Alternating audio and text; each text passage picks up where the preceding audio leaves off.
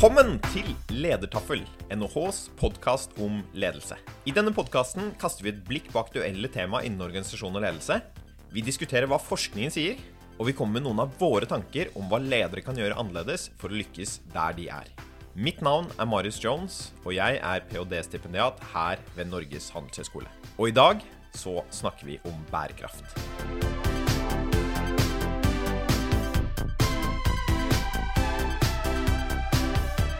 Skal nå snakke om B-ordet, om eh, bærekraft. Fordi bærekraft det er nemlig overalt om dagen. Og det snakkes om klimakrise og ekstremvær. Vi kjører elbil og snart elfly. Og det lages klær av både hamp, økologisk bomull og til og med morkake.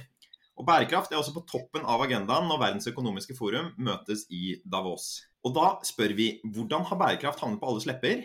Og bidrar egentlig alt pratet til noe som helst? Og hva bør da også ledere gjøre for å trekke sin virksomhet i en bærekraftig retning? Og Det skal vi grave i denne episoden av eh, Ledertaffel. Og med oss da så har vi besøk av Lars Jakob Pedersen og Sveinung Jørgensen, som sammen er Jørgensen Pedersen. Jeg har hørt at dere bare er én ting.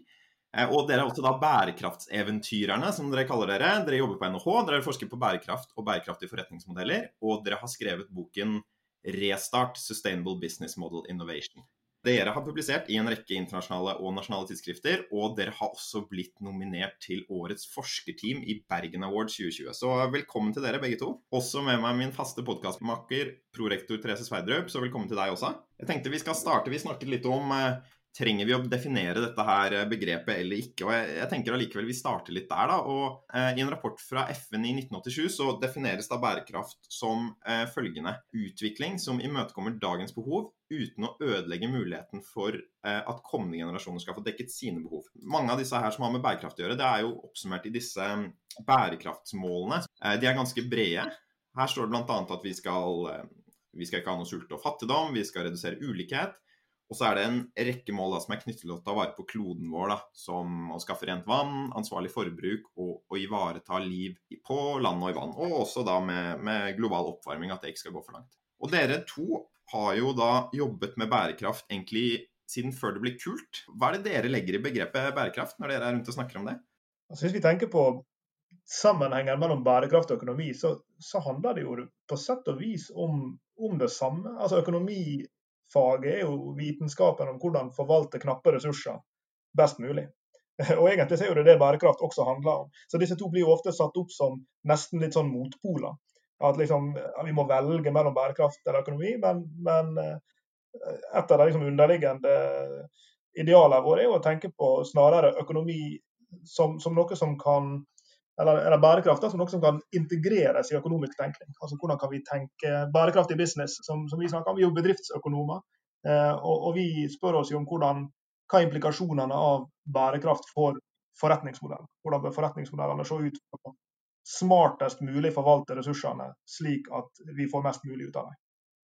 Jeg er glad du begynte på det sporet Lars Jakob, med at vi er økonomer. Eh, og det å forvalte disse ressursene på, på, på best mulig måte.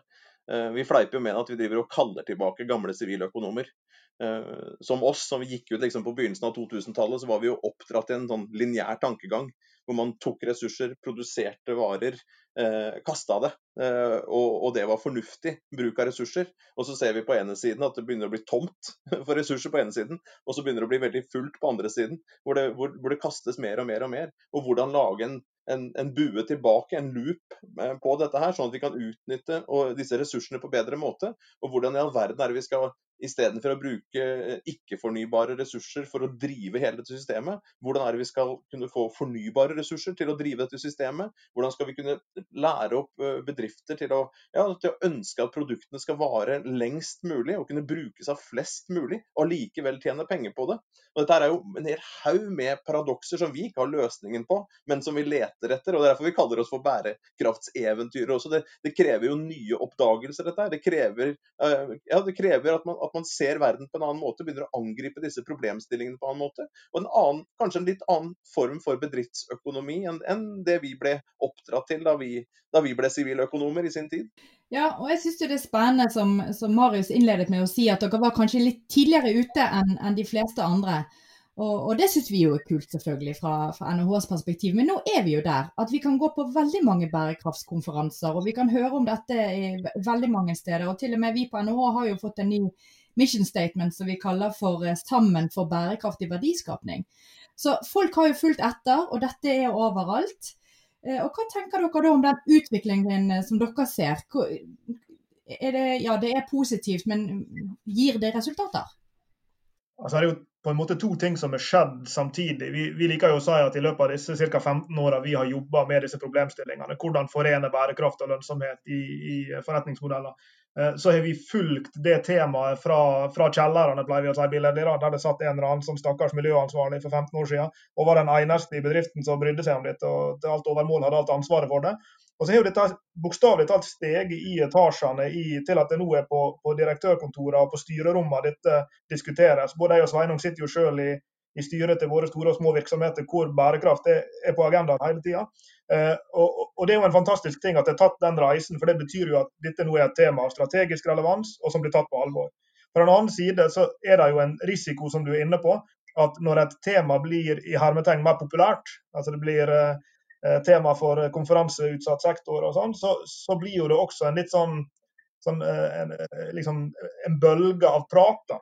Eh, og sånn at må, Jeg tror på en måte en må leve med at når bærekraft kommer på alles lepper, som, som Marius sa på vei inn, så får det både reelle konsekvenser. Det, det, fører til faktiske endringer som vi ser i virksomhet i alle bransjer i dag. Så det, det har aldri skjedd så masse kall det bærekraftsinnovasjon eller grønn innovasjon som det gjør i dag. Men samtidig så har det aldri vært så mye prat og, og, og tomprat som i dag. Men, men liksom du, får, du, du, får, på en måte begge, de, begge sidene av det der, da, tror jeg. Og Et oppfølgingsspørsmål er jo OK, det har skjedd noe. Det har gått opp på styrets spor, på direktørenes spor. Men hva er det som har drevet denne endringen? Er det fordi at det, det er populært, at det er på alles lepper? Er det FNs bærekraftsmål og fokuset der? Altså, Har dere noen tanker om hvorfor vi ser denne massive endringen? Kan det være flere ting på én gang? Altså, en ting er liksom, og Vi begynte jo tidlig i vår karriere å diskutere liksom, var det indre motivert eller var det ytre motivert. Og Så skjønte vi etter hvert at ja, den motivasjonen den har jo mange fasetter. ikke sant? Uh, og Vi ser jo det liksom, i dette utviklingsløpet over tid. da. Så ja, det er jo et kundepress til dels. Et, et, mye mer investorpress etter hvert, som kan være knytta mm. til risiko f.eks. Hvor mye karbonrisiko er dette er den nye tobakken, altså CO2 som den nye tobakken f.eks. Um, eiere, myndigheter, opinion, høyskoler. altså Det er flere rundt her som på ulike måter både har dytta og kanskje holdt litt tilbake. Så det er jo ikke én trend i én retning. Dette er jo mange ting som skjer eh, parallelt, både globalt så må vi huske da, liksom fra bærekraftsbegrepet ble født på 1500-tallet eller der omkring, hvor man begynte å skjønne at man kunne ikke kutte ned all skogen og lage kull av det, for det ble tomt. ikke sant? Så skjønner, Man må forvalte skogen bedre. Og så fikk de kanskje ikke så gode kål de neste hundrede av årene etter krigen. Vi trodde alt var mulig. Eh, alt er kjemi og sånne ting. Så begynte det å piple opp da, 60-tallet, 70-tallet. Her er det noe som skurrer litt. ikke sant? Og så fikk vi FN på, på banen, Gro på banen, midten av 80-tallet. Du dro definisjonen her, ikke sant. Um, og, og, mot i dag, da. Og er vi nødvendigvis nå på vei til å redde hele systemet? Uh, er det vi gjør nå egentlig riktig vei? Men, men dette her, jeg vet ikke om jeg klarte helt å svare på spørsmålet ditt, men, men det her er jo det er, mange ting på én gang. Det er jo ikke bare én ting som skjer nå. Men hvis jeg kan følge opp, da, så er det jo likevel kanskje noen, noen systematiske forskjeller på bransjenivå. Og her er jo etter hvert en del forskning også som, som ser på disse utviklingstrekkene her. Og, og, det er jo klart at eh, En veldig tydelig ting er at i, i sånne klassiske brands, da, altså i sånne kundenære selskap som Ikea og liksom her i Norge kanskje eh, dagligvarebransjen kjente på det når Sofie Elise skrev bloggposten sin om palmeolje. Altså De som er tett på kunden, der, der er det sånn kundepress av den typen. Eh, hvis du tenker på f.eks. Eh, fiskeoppdrett, så vil jeg, vil jeg, tenke at det har vært i ganske stor grad drevet av regulering, altså regulerende myndigheter. Eh, det er jo massevis av sånne business to business-marked hvor jeg tror disse forventningene her dels er kommet fra store innkjøpere som begynner å stille krav nedover til sine underleverandører, som, som de fleste ikke vet navnet på. De, de, bedriftene der, Men som kan ligge under til dels ganske heftig press fra sine store kunder, som kan være store industrikonsern. Og, og det igjen, kanskje som Sveinung var inne på, har kommet i et press fra en investor igjen, som har investert i disse store selskapene. Så, sånn at klart disse tingene eh, sameksisterer og er med på å skape et sånn eh, press fra flere fronter samtidig. Samtidig så ser vi jo at at det varierer litt fra bransje til bransje hvilke faktorer som, som er viktigst. En ting som, som, virker å være en driver av begge deler, da, enten om det er på en måte politisk press eller kundepress, det er jo at folk bryr seg. For det er jo vi som på en måte setter eh, både press på politikerne, og det er jo på en måte vanlige folk som også skal, eh, som skal forbruke varer og tjenester, da, og nå setter større krav til at virksomheter må da levere de på en bærekraftig måte. Og Det synes jeg egentlig er litt sånn spennende spørsmål om hvor, hvorfor folk bryr seg. da.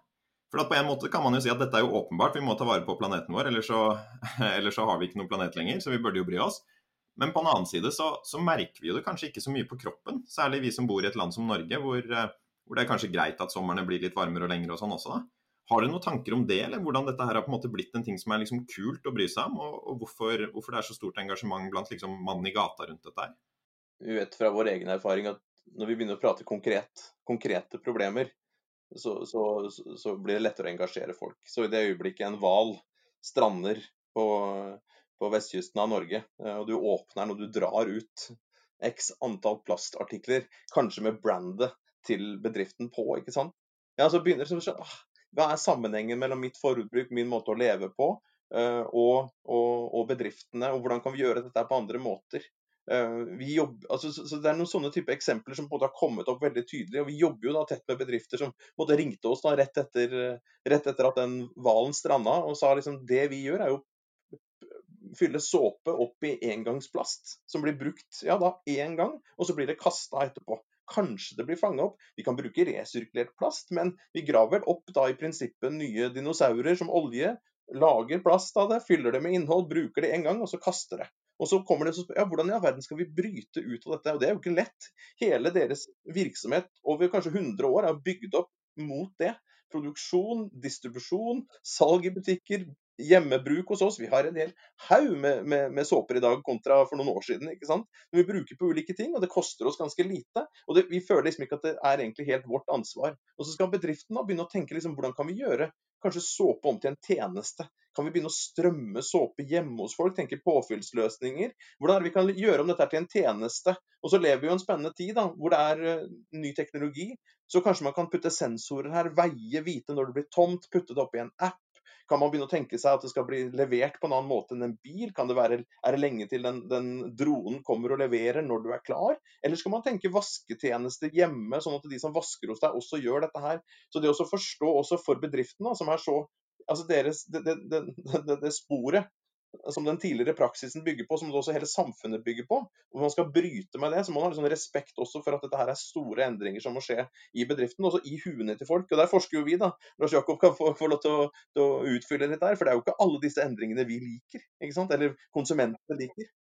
Hvis jeg skal prøve å koke det ned på en måte det du har sagt til ikke én setning, da, men, men sånn nesten, så er jo det betyr jo at dette dreier seg om, om, forretningsmodellene til bedriftene. Og det er noen forretningsmodeller som fungerte kjempegodt i 1950, 1960, 1970, 1980 og helt fram til i dag, som med liksom, økende, eh, økende, befolkning, det har økt dramatisk, eh, med, med, selvfølgelig økende ressursknapphet. at Vi går jo reelt sett sakte, men sikkert tomt for en hel del ressurser som vi har vært vant til at det har vært mer enn nok av.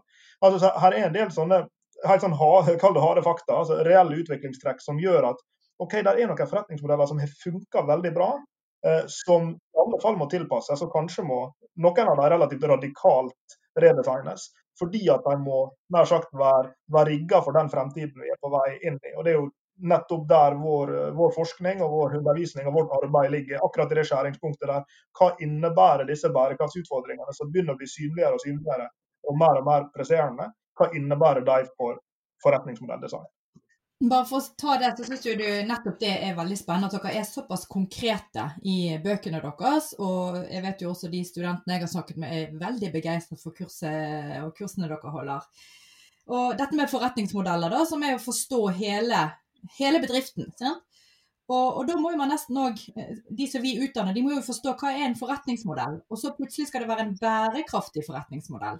Er det vanskelig å ta det steget? Altså, kan man gå rett på bærekraftig forretningsmodell, eller må man via liksom, noe grunnleggende før man går i, inn i de bærekraftige forretningsmodellene?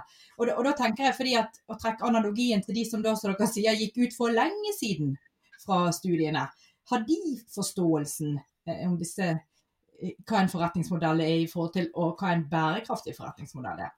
Vi, vi pleier å si at vi, vi, holder en knapp på kunnskap. Og Det er jo ikke bare vi som har utvikla dette her, og det har ikke bare skjedd de siste 15 årene. Men ideen liksom prøve å, å, koke det ned til noe enkelt av forretningsmodellen. Hva slags produkter og tjenester til hvilke kunder til hvilken pris.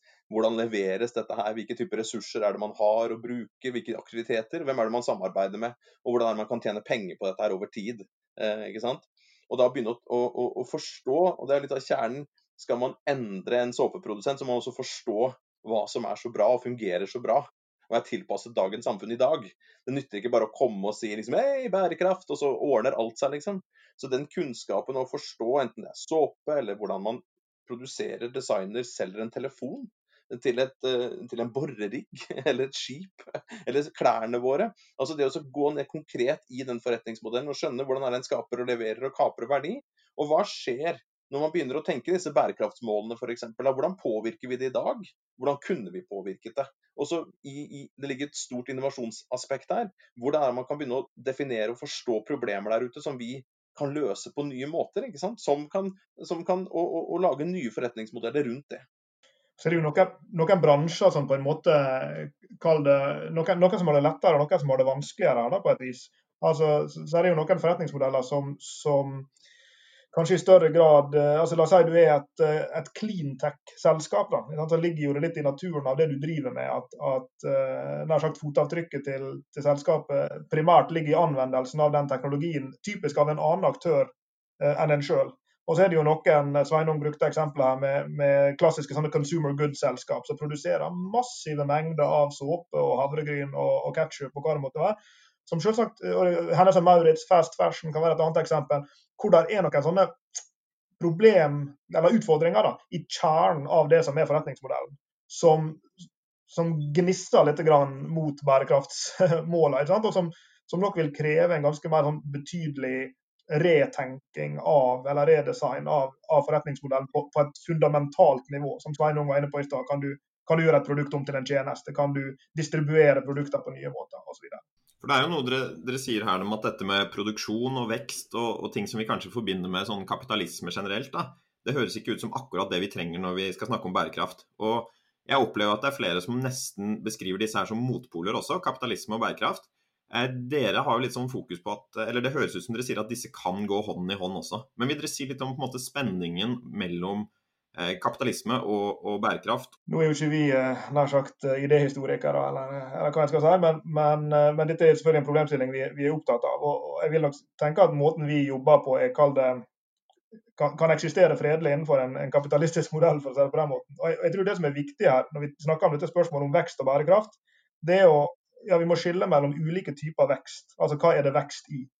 jeg tror, det er, jeg tror jeg attribuerer det riktig når jeg sier at det er vår gode venn Per Espen Stoknes på BI som sa at, at vekst i utendørs yogakurs det er jo ikke noe problem. Altså Det kan jo vokse nesten ubegrensa uten at du får bruke ressurser omtrent i det hele tatt. Eh, og, og, det er helt åpenbart at, at vekst i utendørs yogakurs er veldig veldig forskjellig i, i veksten av, av liksom produksjon av uh, av eh, SUV-er f.eks. Og med det mener jeg ikke at vi ikke skal ha SUV-er. Poenget er bare at ulike typer vekst vil helt åpenbart ha ulike typer fotavtrykk. Så vi kan i alle fall ikke på et liksom, overordna nivå si at vekst som sådan er et problem. Og For å prøve å gjøre det mer konkret, da, så sa Sveinung i stad at her er et utviklingstrekk nå i, i forretningsmodellinnovasjon som, som, går i retning av at det som pleide å være produkt, begynner å bli tjenester. Jeg sitter her med en iPhone i fanget, og i går så var kona mi og fikk seg en ny iPhone. Eh, men fordi at hun har en sånn her innleveringsmodell, så gikk hun tilbake på den gamle iPhonen sin, og så fikk hun en ny en. For hun, hun kjøper ikke lenger iPhone, hun har aldri eid den. Det, det er tilbyderne av produktet som eier den, eh, og hun betaler for tilgangen til telefonen. Og hva er det det gjør? Jo, det, det gir insentiv til Apple og til Apple sine nær sagt eh, nedstrøms, de som selger produkter for dem, til å og for det første produsere produktet sånn at det kan aller helst leve evig. I alle fall produsere det sånn at du kan plukke det fra hverandre og bruke så mye som, som mulig av komponentene om igjen og om igjen. og om igjen. Slik at i Apples tilfelle da, har jeg sagt at de har lyst til å komme til et punkt hvor de resirkulerer og gjenbruker hvert eneste gram av iPhone. Og Det er klart at det er en modell som er veldig veldig forskjellig fra den gamle modellen hvor vi kjøpte telefonen, fikk den, og vi vet hva som skjedde med han. etterpå vi ga han enten til ungene våre så de kunne leke med han, eller vi putta han i skuffa, eller vi kasta han. Altså, så Da er det en, åpenbart en mye høyere gjenbruksgrad av komponenter, av materiale, eh, i, i, produktet. og, og, det vil da i, i tilfelle Apple med ganske stor sannsynlighet bety at de har et lavere fotavtrykk per produsert enhet i dag enn de hadde før. Og så kan en alltids diskutere er det nok, er forbedringa eh, betydelig nok osv. Men, men at, at, disse typene forretningsmodellinnovasjoner her gjør at vi da kan bevege oss mot en kall det grønnere vekst. Da. En type vekst som, som, ikke er så brun som man var før. Eh, det er jo vi ganske optimistiske eh, på, er ikke vi det, Sveinung? Jo. Vi har jobba med en artikkel nå vi har sett eh, spesielt på Bergen og, og BIR. Og sett på avfallsdata fra 1881 til i dag. Og sett på den eksplosive veksten av avfall. Men også sett på hvordan de da 20 år siden begynte å, å, å eksperimentere med sensorer bare for å vite hvor mange konteinere de hadde. Og så kunne de begynne å veie på en annen måte, og så kunne de begynne å vite hvor ressursstrømmene var. Og så kunne de begynne å selge ressurser til andre. Og så tar jo det ene, tar det andre, tar det tredje potensielt da, eh, til i, til i dag, hvor du har lukka systemer, hvor du åpner og du, du har din egen altså en RFID. Eh, som du, som du, så de vet hvem du er, hvor mye du har kastet, og hva slags type ressurser som er der. Så det å begynne, altså, begynne, å tenke sirkulært på, på, veldig mange ulike nivåer, fra resirkuleringa ned til den siste gram, som du var inne på, Lars Jakob, med mobiltelefonen, men også ned tenke komponentene, kan de brukes på nytt? Er vi nødt til å grave i bakken, eller kan vi grave i, i skuffen på kontoret våre og levere tilbake ting? Eh, og, og hvordan kan man lage produkter som kan tilbys som tjenester sammen med andre ting, og som kan vare og vare og vare og vare samtidig som man tjener penger på dem. Eh, men som Lars Jakob sa, vi er ikke idéhistorikere her, og, og, og, kan nok gå an, sånn som du er inne på i spørsmålet ditt, og, og slå i hjel det argumentet og si at, at, dette er bare en ny måte å pakke inn, inn, inn vekst som ikke nødvendigvis er grønn. Da. Altså, så Det er jo legitimt. Altså, når Mor og far de begynner å bli voksne, men da de ble født, så var det vel bare et par milliarder mennesker på jorda. Ikke sant? Jeg er 80 omtrent nå, og nå, nå er det jo mangedobbelt og, og, og øker. Um, vil man kunne tilby mobiltelefoner til alle på denne måten? Uh, sko til alle, klær til alle, hus til alle. Alle de andre tingene som vi, som vi liker og som vi mener gir livet vårt uh, verdi. Er, det, er det fysisk mulig å få til dette her? Men vi tenker i hvert fall dette sirkulære grepet og kunnskapen rundt det. Da. Alt fra resirkulering til gjenbruk og, og få tilbud om det er en borerigg du trenger, eller om det er et subsea-system, om det er et skip, om det er en drill, om det er kontorlokalene våre i dag som står stort sett ledige på dagtid, eh, også utenfor koronatid, så står det som halvparten av døgnets tider selv i, eh, så, så, står disse kontorene ledige. Hvordan er det man kan utnytte disse ressursene bedre, og samtidig tjene penger på dem på en grønn yogamåte, for å bruke det bildet. Det, det er noen ekte utfordringer, og det krever som vi sier, det krever jo en, en et ønske om å oppdage, om å teste ut, om å eksperimentere med nye modeller. Ja, jeg syns dette er veldig spennende, og syns dere er også veldig konkrete eh, på hva bedrifter kan gjøre og den sirkulære tankegangen fra produkt til tjeneste. Og jeg vet jo at dere reiser masse rundt, eller gjorde før korona kicket inn. Nå sitter dere vel og koser dere på hjemmekontor, tenker jeg. Men uansett, dere har reist mye rundt. Dere har snakket på store konferanser, små konferanser, vært i styremøter. Dere har bedrifter om bord som dere forsker på. Dere kjenner litt pulsen der ute. Eh, litt nysgjerrig på om dere har noen tanker om hvor er utfordringene? Hva er det folk kjenner på i bedriftene for å gå over til mer bærekraftige eh, eh, forretningsmodeller og bli mer sirkulær? Er det tid, penger, kunnskap, samarbeid? Altså, er det noe der dere vil peke på?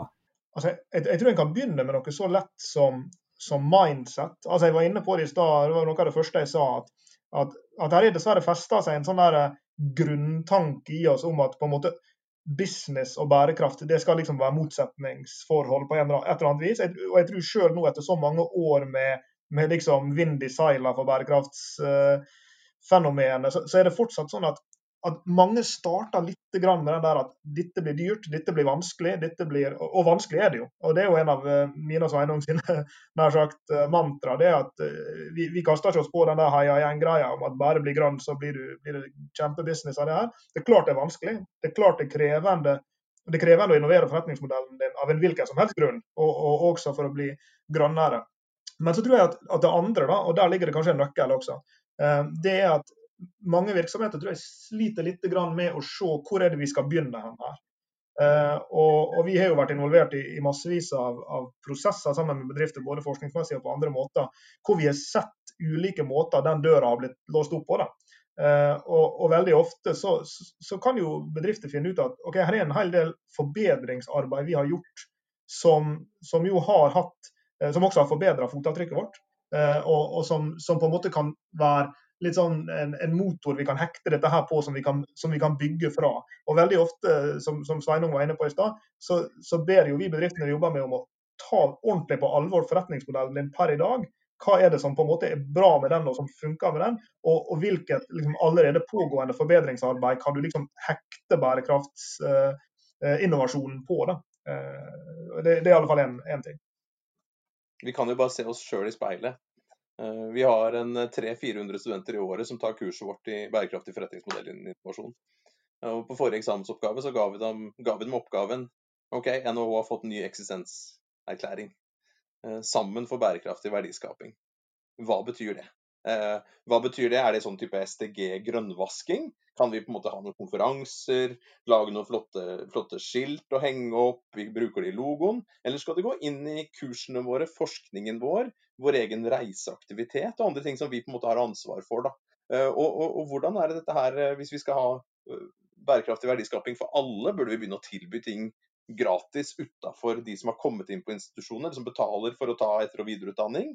Eh, og, hvor dypt skal det stikke? Og Midt oppi dette her så får vi jo plutselig nye krav fra våre eiere igjen. Nå skal vi måles helt konkret på nye ting. ikke sant? Så i det øyeblikket man begynner å legge fram dette bærekraftsbegrepet der, så kan man jo ønske da, at det er helt sånn at, at ingen egentlig bryr seg. Men så kan man sånn, ja, hva, hva, betyr det? Hva betyr det for oss? da? Som, er, det, er det kurs vi skal holde lenger? Er det, er det, faglig innhold vi burde endre på? Er det, er det forskningsprosjekter knytta til en mer lineær tankegang eller en ikke-bærekraftig eh, bransje vi ikke burde ta på oss lenger? Altså hvor, så, så, Vi kan jo bare se på oss sjøl. Altså sånn det er så lett å tenke liksom Oi, der er den som driver med veldig brunt der borte, og de reiser så mye, og sånn og sånn og slik og slik. Men alle virksomheter, hvis de begynner å se, se seg selv i speilet, da, og se liksom at oi, ja, hvilke skyggesider, hvilke negative bieffekter har det vi driver med Altså, Vi utdanner folk. altså Vi gjør jo ting som er veldig godt i utgangspunktet. ikke sant? Men har det noen negative effekter? Og, og, og har vi egentlig store nok positive effekter av det vi driver? Burde vi egentlig satt på, satt på en sånn en, en tigangeren her og, og, gjort mye, mye mye mer? Og det åpner jo, altså De, de eksamensoppgavene var kjempespennende. og det er jo ikke en, Du får ikke ett svar da. altså du, Det her går jo i mange forskjellige retninger. Mm.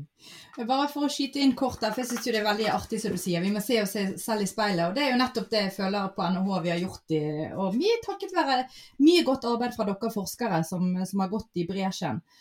Og den eksistenserklæringen om Sammen for bærekraftig verdiskaping har gjort at vi har sett OK, hvor leverer vi? Sant? Normalt på en institusjon så skal du ha utdanning, du har forskning, du har formidling, og så har du egen virksomhet. Og det er jo det vi nettopp har gjort prøvd å se på alle de fire dimensjonene. Hvordan tar vi inn bærekraft i det perspektivet. Og Det fine er at vi har dere forskere som har gått i bresjen. Så det at forskerne hos oss tar inn i kursene sine, altså på utdanningssiden, og utdanner våre kandidater til å bli mer bevisst på akkurat disse problemstillingene. Formidlingssiden, ja, vi, dere er ute og snakker til bedriftspartnere, dere skriver kronikker. Du er folk som sitter i NOU-er. Lars Jakob, du har jo vært eh, deltaker i en av de, så viktig arbeid opp mot eh, myndigheter og reguleringsplaner. Og så den siste dimensjonen, ok, NHH som sådan. Vi skal fly mindre. Vi skal bli en eh, grønn institusjon. Vi har meldt oss på i, i, i alle disse miljøfyrtårn osv. Og, så og plutselig så kan du tenke ja, forretningsmodellmessig, hvordan blir vi mer bærekraftige? Og jeg tenker det er utrolig sunt for alle virksomheter å gå i den retningen. da. Og så, og så, vil jeg da bare legge til at, at på, en måte, med den der eh, se seg selv i speilet, så er det jo to sider ved, ved eh, at jeg kan stå opp om morgenen og se meg i speilet og så kan jeg tenke uff a meg, her er det forbedringspotensial. Men, men, jeg kan jo også se på det, som er positivt og, og, og, ha det som et utgangspunkt for innovasjonsarbeid. For å ta et konkret eksempel. da. Eh, eh Vinmonopolet. Eh, for de som eh, frekventerer de butikkene, har, har en satsing på miljøsmart emballasje. Uh, og med det, det betyr uh, å gjøre disse her bag-in-box pappvinkartongene papp, mindre. For da får du flere på en palle, da får du flere om bord et skip, flere om bord en lastebil. Uh, det er overgang til lettere flasker osv. Det er jo et veldig sånn konkret bærekraftsforbedringsarbeid. så det er Bærekraftsinnovasjoner på produktdesignnivå, på distribusjonsnivå, altså på ting som er i kjernen av forretningsmodellen. og det starter jo til dels med at, at, her var det allerede forbedringsprosesser på gang på logistikk. Det er klart at En stor innkjøper av vin på den måten jobber med logistikk kontinuerlig. De jobber med produkt, produktsortiment og, og, den typen spørsmål hele tida. Og det som de gjorde som var veldig smart, var at de, de lykkes med å hekte på bærekraftsinnovasjonsarbeidet på disse prosjektene som allerede rulla og gikk. Ja. Eh, og, og, da kan nettopp det her med å kikke seg i speilet, som, som Sveinung sier, eh, liksom gi fart til å se at OK, hvis vi nå tenker at vi skal forbedre fotavtrykket vårt på logistikk, vi skal, for, vi skal forbedre på produktnivå osv., ja, hvorfor ikke da liksom dytte bærekraftstematikken inn i disse allerede store, viktige innovasjonsprosjektene vi har på gang. Så jeg tror at, at det der med å ta seg sjøl på alvor og hvor en er, hvilke ting som er i gang, eh, det, det, kan virkelig være en sånn momentumskapende greie for å få grønn innovasjon i gang. Fleksnes satt jo nede i kjelleren sin eh, på en gammel sketsj og, og, og, ropte min, min, mayday', ligg unna min mayday'. Da han kom ut et skip i Hafsnøy, han kunne ikke hjelpe det i hele tatt. Man hadde endelig fått noen å prate med. ikke sant? Eh, og Sånn er det litt med, med bærekraft og oss også. Vi, vi, var kanskje tidlig ute da og begynte med det. Eh, og, og, Det er jo fristende noen ganger å bare si hei, dette er vår mayday, ligg unna, liksom. Men det vi ser nå, f.eks. På, på NHH, er jo at flere og flere fagmiljøer kobler seg på. Og Vi trenger jo disse ulike blikkene, alt fra psykologiske blikkene til, til valgene, enten som, eh, som, kunde eller som ansatt eller som leder. Vi trenger finansen til å koble seg på her og skjønne disse mekanismene, strategifeltet. Og Det som er så fint nå, da, at, at det begynner å bli, bli, bli, flere som går inn der og ser på dette her på litt ulike måter. For her, her, er det jo ikke problemer det bare finnes én løsning på. Det er bare innenfor handelshøyskolene. Og så må du gå ned på universitetet og så må du begynne å snakke med biologene og så, og så videre og så videre. Og så videre. Og begynne å lage da, samfunnsmodeller og alt som skal fungere rundt dette her, da, med et sånn type litt, nesten litt sånn umulig mål som bærekraft er. da, Både dekke dagens behov og fremtidens behov. Ikke bare de menneskelige, men også begynne å se på naturen rundt oss og samspillet mellom dette her. Eh, midt i koronatiden, da, hvor vi nå ser ah, dette her er jo konsekvenser at vi har kanskje dytta dette her med biodiversitet litt langt. Altså, eller, altså, og, og, og, ja, men så sånn at Her er det noen apekatter eh, eh, Hva er det for noe? Altså disse her eh, Ikke apekatter, men flaggermus. ikke sant? Ja, som, som, og, og, så begynner man å se konsekvensen av det som på en måte kan Det er så deilig å ha det som litt sånn abstrakt problem. Ja, dette bærekraft, det må være balanse. Og så plutselig uh, Det er ikke balanse. Uh, dette her får noen konsekvenser som er helt på trynet. Og det stopper ikke på landegrensen, og det bryr deg ikke om du er fattig eller rik. Altså, og det, det, er jo ganske spennende. altså Unnskyld jeg sier at det er spennende, for det, dette her er jo kritisk og forferdelig, men samtidig så er det jo et spennende eh, tid å leve i og tenke litt på dette overordna bærekraftsproblemet. Altså hvordan leve i pakt med naturen, hvordan leve i pakt med samfunnet samtidig. For det skal huske, skal huske på det at I bærekraft så ligger det tre ting. Det er både miljø, samfunn og økonomi. Altså det, det, man skal jo også da ha en sunn økonomisk eh, eh vekst og utvikling ja, innenfor den måten å forstå verden på. Og Vi lever jo i dag med noen, eh, noen heftige utfordringer. Eh, og, og, som kan, kanskje kan bli mye mye større framover på, på, andre måter enn det vi klarer å, å se for oss nå. Kan, jeg syns det er spennende at du nevner korona der, for det er jo noe som har skjedd i Norge som har hatt ganske store konsekvenser for massevirksomheter. Som Noen av de konsekvensene er sikkert midlertidige, og nå ser vi at det åpner litt opp igjen og kanskje ting kan bli som før igjen. Men så er det jo sikkert noe som er mer varig også. Og det er jo kanskje litt et valg også, om man vil at disse endringene her skal være varige. Og kanskje et sånt eh, window of opportunity da, for virksomheter også til å tenke litt nytt rundt ting. Har dere noen tanker om hvordan dette her kan på en måte brukes av, av, virksomheter for å trekke ting i en mer bærekraftig retning? Nå som ting på en måte har blitt kastet litt og, og på en måte glasskula har blitt ristet litt. da. Hvordan er det man kan sørge for at, at ting faller ned i en mer sånn bærekraftig eh, mønster når det faller tilbake? Atferdsmessig er jo dette her litt uh, interessant, for du kan jo se for deg litt sånn rivaliserende hypoteser. og de, de, er jo der ute. Uh, på den ene sida er det mange som nå tenker at dette her blir en, uh, en restart, for å bruke et ord vi, vi, liker godt. Altså at liksom nå alt vil endre seg. Sant? Er, er det mange som, som, argumenterer for, og at dette er en mulighet, i, i, alle fall da, at dette er en mulighet som du sier, til å dytte ting i en, i en annen retning. Altså Den rivaliserende atferdshypotesen vil jo være å si at nå vil folk mer enn noen gang ønske å komme seg tilbake igjen. Når, når, eh, ting åpner opp igjen, så kommer vi til å forbruke som aldri før, reise som aldri før. Endelig kan vi reise igjen. Eh, og det kan godt hende at begge nær sagt, det, det, er ikke gitt at den ene er mer sann enn den andre, men, men det som du, eh, eller mer sannsynlig enn den andre. Men det som du peker på, er jo at, at helt klart både regulerende myndigheter og bedrifter har jo muligheter til å, til å påvirke hvilken kurs dette tar. Så, så det, at det er en mulighet nå for å iverksette kall det atferdsmessige dult i, i, en eller annen retning, det er helt åpenbart. Litt sånn på et overordnet nivå, korona eller ei. Eh, noen av de bedriftene vi jobber med, det er å lære å se hvilke muligheter som ligger f.eks. I, i bærekraftsmålene og de problemene som ligger bak der. Da. Korona, da dukker det opp nye problemer som søker løsninger. og Vi argumenterer for at bedrifter potensielt kan være problemløsere. Vi, vet jo at bedrifter skaper en del problemer, men disse her bedriftene i kjernen er jo de som, å, altså de som overlever og vokser, og som klarer å definere problemer og, og løse dem. Og Vi har jo f.eks. jobba med Scanship, da, eh, som har vært i cruise. Eh, cruiseindustrien, en underleverandør der som renser eh, alt fra kloakk til matavfall, tar, tar, håndterer alle sånne type ting. som da for noen år siden begynte å lete ok, hvilke andre typer problemer finnes der ute som vi er i en posisjon til å løse, kanskje på nye måter. Hvem, hvilke bedrifter burde vi slå oss sammen med, hva slags type kompetanse har vi, hva, hvilken ny, ny, kompetanse er det vi trenger. Som da kom over et sånn type pyrolysespor, og som begynte det å pyrolysere altså, og, og, og, og, brenne matavfall og annen type organisk materiale med lite oksygen. Så får du biologisk kull som har mange mange anvendelsesområder. Og Litt avhengig av hvor varmt dette her eh, maskina, hvor varmt, varm maskina er, så kan du lage alt fra biokull til eh, gass til, eh, til, andre ting da, ut av dette her. Og Så begynte de å se på land, og så begynte de å se i havet. Så begynte de å jobbe sammen med eh, akvakulturselskapet for å se om de kunne rense eh, slammet fra fisken. Og så begynte de å se på plastproblemet og se om de kanskje kunne bruke pyrolyse for å, for å lage hydrogen eksempel, ut av plast som, som, renner ut i disse elvene. Overført til korona, da. Hvilke nye problemer og utfordringer er det som er der nå, som virkelig trenger løsning? En ting er jo vaksine, det er jo helt åpenbart. ikke sant, Sitter du med den løsninga? Men, men, hvilke andre ting er det som ligger her, på måten å samspille på mellom mennesker som ikke kan reise f.eks.? Hvilke utfordringer er det med knyttet til mat og matsikkerhet, leverandørkjeden osv. Så, videre, og så, videre. så her ligger jo mange muligheter i et sånn type problem. Da. Og Det som Sveinung utelot fra, fra historien om Scanship, er jo at de er jo børsvinneren på Oslo Børs de siste to åra. Men hvis vi spoler tilbake igjen 20 år, så gikk de nesten konkurs. Fordi at da var på mange måter verden ikke moden for teknologien ennå. Eller verden trengte ikke teknologien ennå. Vi opplevde ikke at vi trengte den. Dette går tilbake til det vi var inne på i stad.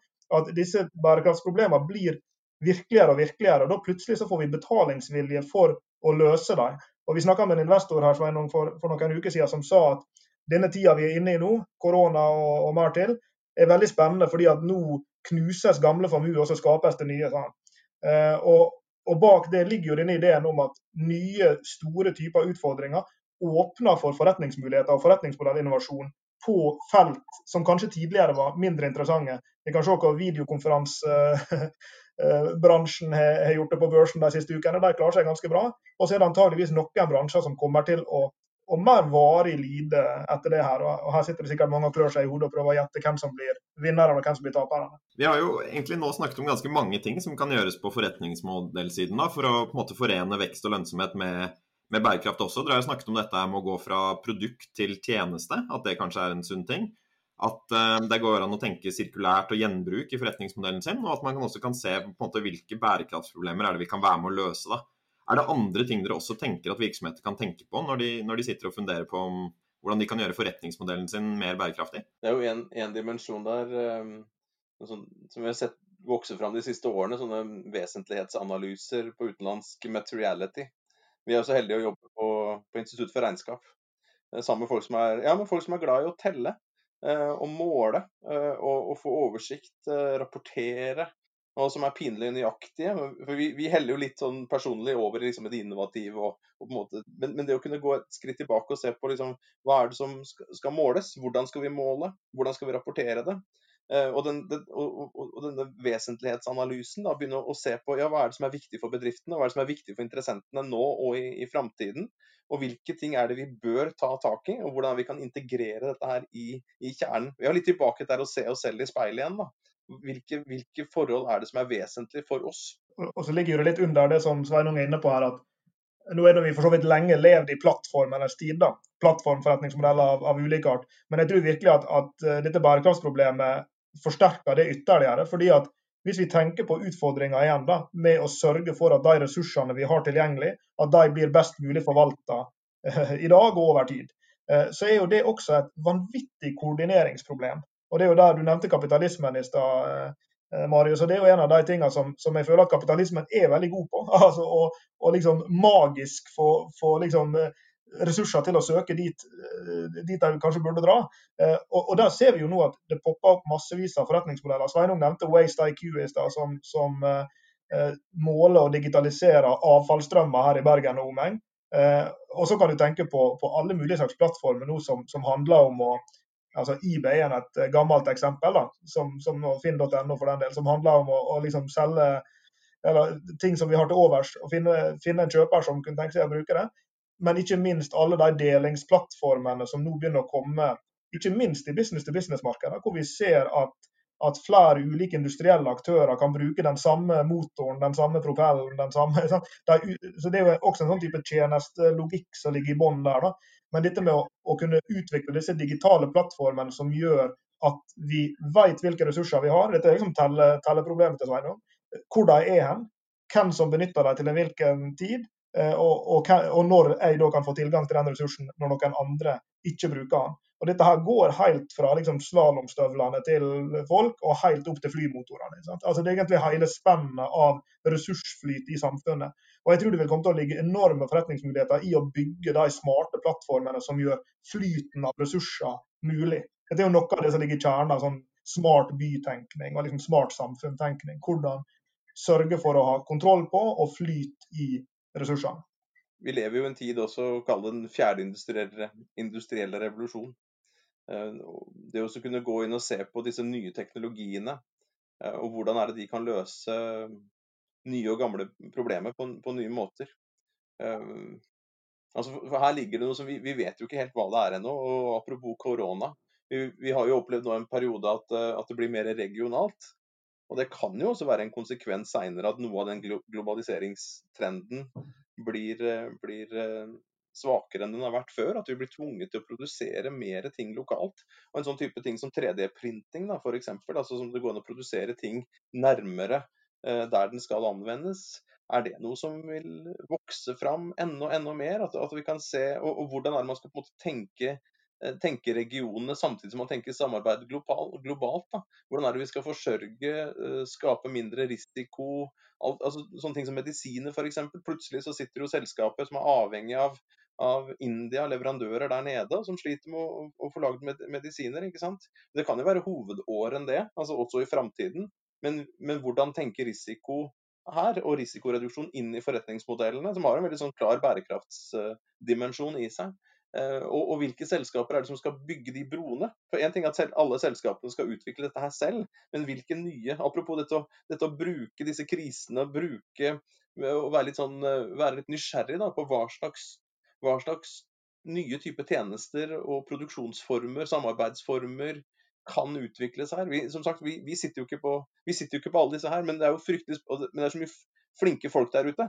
Uh, få lov til å være med i de dialogene sammen med, med, ledere, sammen med politikere, sammen med andre fagfolk med andre briller, faglige briller enn det vi har. da. Så å, å lete, lete, her etter nye måter å organisere oss på.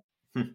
Jeg tenker Vi skal gå litt inn sånn for avrunding her, eh, egentlig. Og Vi har jo snakket egentlig ganske mye konkret om jeg tenker, hva ledere kan gjøre der ute, hvis de tenker at sin virksomhet kan bli litt mer bærekraftig.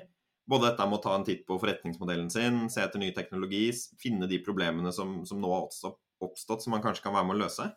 Har dere noen sånne siste tips eller, til ledere der ute som sitter og tenker at det hadde vært kult å være litt mer bærekraftig, og, og lurer på hvor de skal begynne? Hva er liksom første steg hvis man sitter og, og funderer på dette her, og vil bli på en måte en bærekraftseventyrer sammen med dere? Sveinung skal få lov å følge opp etter meg, men jeg, jeg, har, lyst til, jeg har lyst til å nevne to ting. Um, det ene er at jeg tror, eh, jeg tror, at eh, For å starte i det små, da, eller er ikke små i det hele tatt, men i det konkrete igjen. Vi tror jo veldig på det, det konkrete forretningsmessige. Veldig mye god grønn innovasjon eller bærekraftsinnovasjon i bedrifter starter jo, som vi var inne på i stad, med disse folka som har en god idé rundt en, en, ny måte å distribuere på, en ny måte å designe et produkt på, eller hva det måtte være. Så, så jeg tror at den virkelig store lederutfordringa her er jo å identifisere og mobilisere de folka han der ingeniøren som sitter og tenker på en måte å strømme såpe på. Eller, eller den her, eh, nær sagt marketingperson som, som har funnet ut en genial måte å selge dette som vi pleide å tenke på som et produkt, istedenfor som en tjeneste. og Det vil kreve slik og sånn. Altså Det å identifisere og mobilisere og, og gi ressurser til og, og, rom for eksperimentering, testing og feiling og, og pilotering eh, for å få disse tingene til, det tror jeg er én ting. Um, så tror jeg jo, for å, for å, ta en litt mer sånn uh, fluffy greie, da, uh, så, så, tror vi også egentlig på, på historiefortellinger. Altså at gode forretningsmodeller er, er også gode historier. og, og Sveinung nevnte Scanship i stad, som vi har, har jobba en hel del sammen med på, på, ulike måter. Og Det har vært veldig artig der å følge CEO-en Henrik Badin, som, som, hadde en sånn sirkulær oppvåkning eh, og, og, begynte på en måte å fortelle historier om dette selskapet som en sirkulær forretningsmodell. Og, og, Det er jo ikke bare en ekstern greie til markedet, til investorer, til kunder, hvem det måtte være, men det er jo også en intern greie. Hvem er det vi er? Det han forteller til sine ansatte om at jo, vi, vi er faktisk det selskapet som skal være med på å rydde opp havet. Vi skal sørge for at ikke all plasten, alt matavfallet, all kloakken ender opp i havet og, og ødelegger dem. Det er det vi går på jobb for om morgenen. Og denne historiefortellinga i å nettopp få til denne mobiliseringa tror jeg er en av de store leder, eh, lederjobbene oppi, oppi den grønne innovasjonen. Helt kort, du sa at jeg skulle få lov til å, å bygge på det, Lars Jakob. Men du, du sier jo de to tingene. Eh, eksperimentering, testing, pilotering, eh, redesign, tenke nye kunder, nye produkter, nye tjenester. Trenger vi disse ressursene vi bruker i dag? Er det noen nye eh, partnere vi kan jobbe sammen med? Må vi ta betalt per stykk? Kan vi finne andre betalingsløsninger? Kan vi produsere ting nærmere? Altså, være litt sånn konkret nedpå og, og, og, og, nære i, i, i, i den delen eksperimentere, pilotere, sette i gang. Eh, også, vi møter veldig mange ledere som sier jo, jo, jo, vi tenker lean. Vi jobber masse med eksperimentering. Vi kjører sånn og sånn og slik og slik. Men de gjør det veldig lite på bærekraft. Og Der ligger jo allerede noe i virksomheten som jeg tror er ganske lett å, å, å koble på også bærekraft, og koble sammen uh, felt. Og det gjennom det som Lars Jakob er inne på der, er å fortelle fortelle historier på nye måter. Uh, også de drømmene, da. Altså den uh, drømmen og det å strekke seg etter i, i fellesskap. Og, som er litt annerledes enn i dag, og som, som er det, kall det, kan være mer bærekraftig. Så der tror jeg egentlig vi har en ganske tjukk smørbrødliste om, om, råd som kanskje både kan være relevant når man nå er på vei ja, ut av koronatider, hvis det er tilfellet, og, og kanskje generelt ellers. Så tusen takk Sveinung og Lars Jakob for at dere kunne komme. Du har nå hørt en ny episode av Ledertaffel, NHHs podkast om ledelse. I studio i dag så var jeg, Marius Jones, sammen med Therese Sverdrup og Lars Jakob Pedersen og Sveinung Jørgensen. Om du vil vite mer om hva vi holder på med på Norges handelshøyskole, så finner du oss på nhh.no og ved å søke på NHH på Facebook. Vi høres.